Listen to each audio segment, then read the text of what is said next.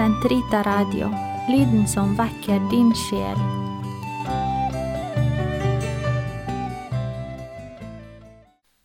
Den fjerde og siste del av min presentasjon av den hellige John Henry Newman vil først og fremst dreie seg om den bok han drev med da han konverterte i 1845, en essay on the development of Christian doctrine.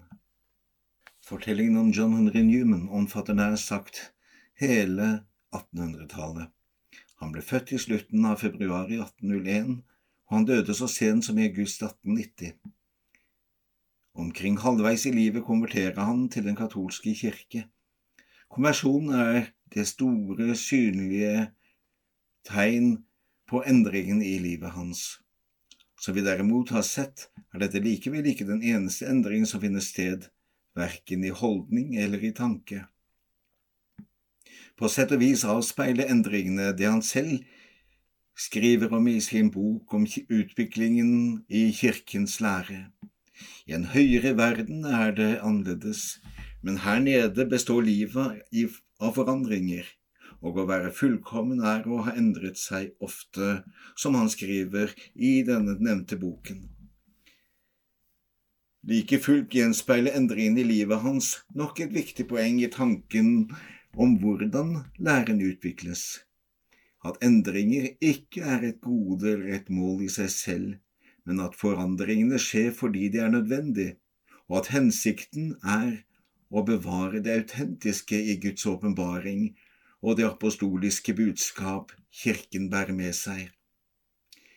Dette gir Newman den mer abstrakte betegnelsen en agia, i setningene like før det forrige sitatet skriver han På et tidspunkt entrer ideen et fremmed landskap. Punkter en er uenig om, endrer forståelsen av den. Partier eller fraksjoner i forhold til den fremstår og forsvinner, farer og nytt håp dukker opp i nye relasjoner, og nye grunntanker gjenoppstår i nye former. Den endres med alt dette for å forbli det samme. Slik ser vi at også Newmans tanker endrer seg i løpet av et langt liv og forfatterskap, men da i betydningen at de gjennom tiden og i møte med nye utfordringer har blitt mer modne, dypere og har gitt mulighet til nye innfallsvinkler og det han legger vekt på. Om livet hans byr på endringer i både liv og oppfatning, ser vi likevel sammenhengen fra vårt møte med ham som ung evangelikalsk prestemann via den høykirkelige teolog og partileder i Oxford til den aldrende katolske kardinal i oratoriet i Birmingham. Sammenligningen mellom den unge og den aldrende mannen er et av de bilder han selv bruker for å beskrive en rett utvikling av kirkens lære. Når vi ser et bilde av det samme mennesket som ung og som gammel, vil vi selvsagt bli slått av de endringer som har funnet sted i årenes løp. Den gamle er likevel den samme som den unge, på tross av endringene. Et annet bilde han bruker, er forskjellen mellom eikefrøet og eiketreet. Det er få likhetstrekk, men likevel bærer frøet kimen i seg til det som skal vokse seg til et tre i årenes løp. Det var med et biologisk uttrykk snakk om en ideenes DNA-profil. Da Newman begynte på sin avhandling, hadde dette et praktisk sikte. Selv om han gjennom en årrekke gjennom sine studier av kirkefedrene i kirkens første århundrene hadde holdt fast på Sankt Vincent Alarins postulat at den katolske tro var den som var lært av alle og på alle steder, ble han på slutten av 1830-tallet mer og mer i tvil om Church of England var apostlenes eller kirkefedrenes kirke. Fra de store anglikanske teologer på 1600-tallet hadde høykirkeligheten brakt med seg tanken om den engelske kirke som en via media, en mellomposisjon mellom de reformerte kirkenes radikaliseringer på den ene og det de så på som den katolske kirkes overdrivelse på den andre side. Dette var en selvforståelse Newman etter hvert anså som en tankekonstruksjon. Den var ikke real, for å bruke hans eget uttrykk. Han mente derfor at Church of England nå var forpliktet til å tolke sine bekjennelsesskrifter, de 39 artiklene, i lys av den katolske kirkes lære slik den kom til uttrykk i bestemmelsene fra konsiliet i Trent. Dette gav han uttrykk for i det som ble den siste av traktatene, den såkalte Tract 90. Den skapte full furore i Church of England. Samtlige av biskopene gikk skarpt til rette med ham. Da ei heller hans egen biskop støttet ham, innså Newman at tiden som prest i Church of England var over. Han legger ned sitt embete som sogneprest i universitetskirken St. Mary's og trekker seg tilbake til Lillemore, en landsby på utsiden av Oxford der han hadde stått for byggingen av en kirke. I noen ombygde staller trekker han seg tilbake med noen gode venner, der de lever et halvmonastisk liv. I 1843 holder han sin siste gudstjeneste og preken i kirken i Lillemore. Preken kalte han The Parting of Friends. Kirken var stappfull og tårene mange hos de fremmøtte. Etter prekenen tar han av seg embetsdrakten og legger den på alterringen, en sterk symbolsk handling om at tiden som anglikaner nå var over. Men hva skulle da skje videre? Han så jo at også at samtidens katolske kirke var svært forskjellig fra den kirke han leste om i Det nye testamentet, og som han møtte i lesningen av de første århundres kirkefedre. Han begynner derfor på sin avhandling for å rydde opp i de fordommer som anså den katolske kirke som en frafallen kirke, en løgnekirke. Han ønsket å vise at samtidens katolske kirke også var apostlenes kirke, og at kirkefedrenes kirke, på tross av de åpenbare ulikheter, under hvilke forutsetninger hadde da kirken endret seg, og var all forandring god forandring? I sitt verk nevner Newman syv kjennetegn for en autentisk endring eller en god utvikling av kirkens lære. Da boken blir utgitt på nytt flere år senere, er han mer forsiktig i sin begrepsbruk. Han er også nøye på å slå fast at disse kjennetegnene er syv blant flere, og at de skal forstås tilbakeskuende, altså ikke som en oppskrift til hvordan kirken skal eller må endres, men heller som det en kan se etter for å forstå de endringer som faktisk har funnet sted. Hvilke er da de syv kjennetegnene på en autentisk læreutvikling? Den første har vi allerede nevnt i bildet av eikefrøets utvikling til et stort tre, men dog forblir det samme. Gjennom kirkehistorien så han at hvordan de katolske biskoper i enhet med paven bevarte en sann forståelse av Skriftens mening gjennom å slå fast en sannhet, mens de heterodokse partiene fravek en rett forståelse gjennom å pukke på tekstens bokstavelige mening. Det andre kjennetegnet kalte Newman videreføring av det grunnleggende i troen, det at en læresetning er knyttet til andre grunnleggende aspekter ved kirkens tro, og at det er en trosmessig, fornuftsmessig og tolkningsmessig sammenheng mellom det som var, og slik det utvikler seg. Evnen til å ta opp i seg samtidens ideer og spørsmål og ta i bruk dens begreper er det tredje kjennetegn. For siden med Paulus betyr det evnen til å ta enhver tanke til fange under lydigheten mot Kristus. Å være skattkammer, der en henter frem gamle og nye skatter, ja, av dette følger katolsk fylde, skrev han. Det fjerde kjennetegnet beskrev Newman som den logiske sammenheng og konsekvensen mellom læresetningene. Det at en læresetning følger en av en annen, som for eksempel at fra den katolske lære om dåpen følger senere også læren om skriftemålet, botshandlingene skjærskillen fortjenestefulle handlinger og den monastiske regel.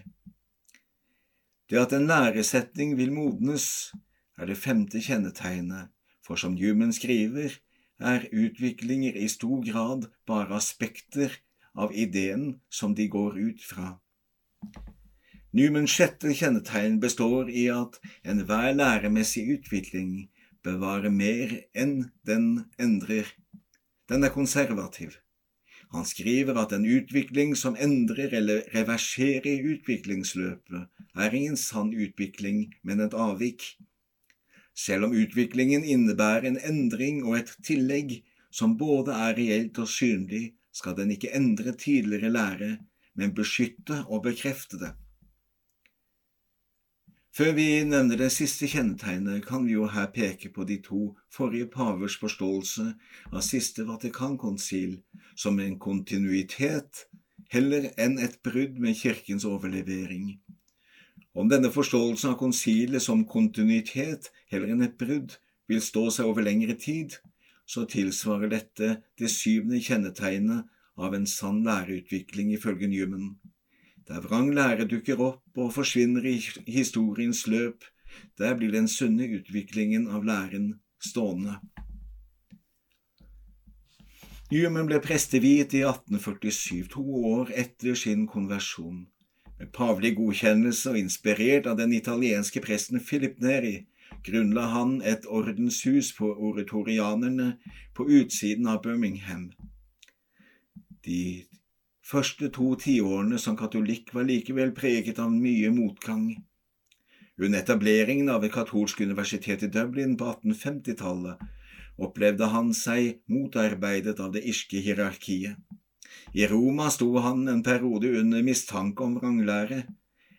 Der ble han i lengre tid forbundet med et han i den engelske kirke hadde kjempet så iherdig mot, nemlig liberalismen.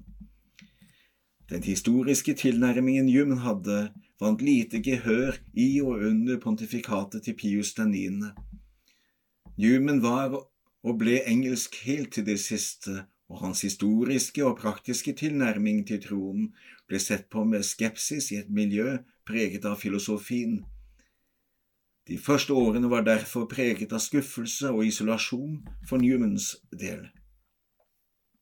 Ironisk nok var det en beskyldning fra en av samtidens velkjente anglikanere, kirkemenn, Cambridge-mann Charles Kingsley, som førte Newman ut av isolasjonen han følte på.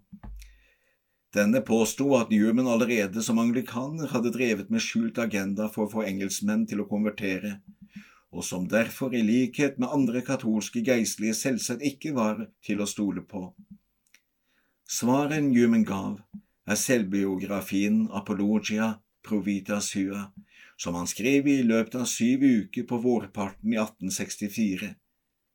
Hans forsvarsskrift førte ham ut av isolasjonen og mange av hans prekener og bøker ble igjen trykket i nye opplag.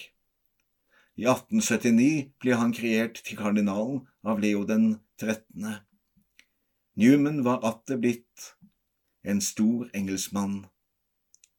I løpet av livet hadde han stått i kontrovers og konflikt mer enn én gang, og selv om fortellingen om John Henry Newman i menneskelig forstand synes å ha en lykkelig slutt, tror jeg at han selv hadde oppsummert det hele med en referanse til en av hans lærere i ungdomsårene. Hellighet heller enn fred, og vekst som det eneste bevis på liv. Kanskje hadde han også lagt til, hele livet mitt har jeg lydig tatt et steg ad gangen, så lang som tro, tanke og samvittighet lot meg ta. Det jeg kan si, er at han har ledet mine steg, gjennom skygge og forestillinger og helt hen mot sannheten. I flere av skriftene fra Det annet Vatikankonsil ser vi gjenskinn av Newmans tanker. Den katolske katekismen fra 1990 nevner eller siterer ham hele fire ganger som før nevnt. For fem år tilbake ble han saligkåret. Hans liv og lære vedkommer oss derfor 135 år etter hans død. I dokumentene fra Annet Vatikankonsil aner vi arven fra Newman, ikke minst i synet på kirken som noe mye mer enn en organisatorisk skille mellom ordinert og lekfolk, slik tendensen tidligere hadde vært. Konsilets lære om kirken som både organisme og organisasjon, der hierarkiet springer ut fra en gudvillet og åndsbærende Guds folk, der Jesu Kristi nærvær gjør kirken til hans mystiske legeme, og ikke som en størrelse som står på egne ben, ville den salige John Henry nikket gjenkjennende til. Han ville også ha bifalt den rollen som tilskrivet samvittighetens plass i menneskets søken etter sannhet, og også hvordan religionene i ulik grad kan bære vitnesbyrd om Guds storhet, som vi òg finner klart uttrykk for i konsildokumentene. Ikke minst forståelse av Kirken forstått i et frelseshistorisk perspektiv, der Kirkens lære ikke dannes i et vakuum, men blir til gjennom historien både når den bruker og den avgrenser seg fra samtidens tanker, nettopp for at overhyrdens røst skal kunne nå frem til mennesker i ulike kulturer og tidsepoker. Men som den dere forhåpentligvis har sett, var Newman ingen liberalteologiens far, men ei heller reformteologien. Som knyttes til siste konsil, kan uten videre bruke Newman som sin profet. For Newman hadde større tro på læreembedets rolle også uttrykt i dogme om pavens ufeilbarlighet, enn på konsilenes nytte for den indre fred i kirken. Mye av hans polemikk gjennom store deler av livet var rettet mot liberalismen, i sin politiske form som i en teologisk forkledning. I ettertid er tanker han ga uttrykk for, blitt tatt til støtte for modernistiske eller liberale standpunkter det gjelder spesielt den plass han gir samvittigheten i trossaker, som ikke minst at han åpnet for en læremessig utvikling i kirken. Som vi har sett, er det ikke lett å gi Newman en liberal merkelapp, og mange har nok misforstått ham. Riktignok holdt han fast på at kirkens lære var underlagt en utvikling, men da med en hensikt at dens budskap skulle bevares han døde i troen på at kirken han hadde virket i den siste halvparten av livet, var den kirke Kristus hadde innstiftet, og som hadde apostlene til grunnpilarer. Mye har endret seg i kirken fra Newmans tid til vår egen. Mye vil nok også endre seg også i fremtiden. Jeg er likevel sikker på at den hellige John Henry også i dag ville stått fast i sin overbevisning om at kirken på tross av de endringer som har funnet sted etter hans tid og vil skje, har klart å bevare den tro som en gang for alle er overgitt de hellige, for å sitere Judas brev. La oss be. Gud, du som ga din prest, den hellige John Henry Newman, nåden til å følge ditt milde lys og finne fred i din kirke. Vi ber deg, Gi oss på hans forbønn og eksempel, og bli ledet fra skygger og bilder til fylden av din sannhet, vedvare Jesus Kristus, din Sønn, som lever og råder med deg i Den hellige ånds enhet, Gud fra evighet til evighet. Som en slags PS i disse fire delene av min presentasjon av Newman vil jeg igjen minne om at det er også på norsk mark blitt skrevet og sagt noe om den hellige John Henry Newman. Blant annet eh, foredraget av eh, Jan Schumacher i Katolske råbrød for en tid tilbake. Else-Britt Nilsen har skrevet om ham. Pater Åge Haugen har skrevet om ham i boken Katolske kirkefedre. Jeg selv har skrevet en artikkel om ham i Seil fra 2019. De kan også få kjøpt bøkene hans. De fleste utligger selvsagt på engelsk, blant annet en essay of, on the development of Christian doctrine. Men du finner også hans oversettelse til svensk av hans Apologia Provita Sua på Arthos forlag. Biografier av Newman. Den største boken er boken til Jan Kerr, engelsk prest en svær murstein av en bok. John Henry Newman er biografi, men også Roderick Strange, John Henry Newman, A Mind Alive, som er en meget lesverdig og kortere bok enn Kersin. Og på uh, Catholic Truth Society har gitt ut en bok som heter St. John Henry Newman, His Life and Works. Tollet lege, ta og les. Lykke til.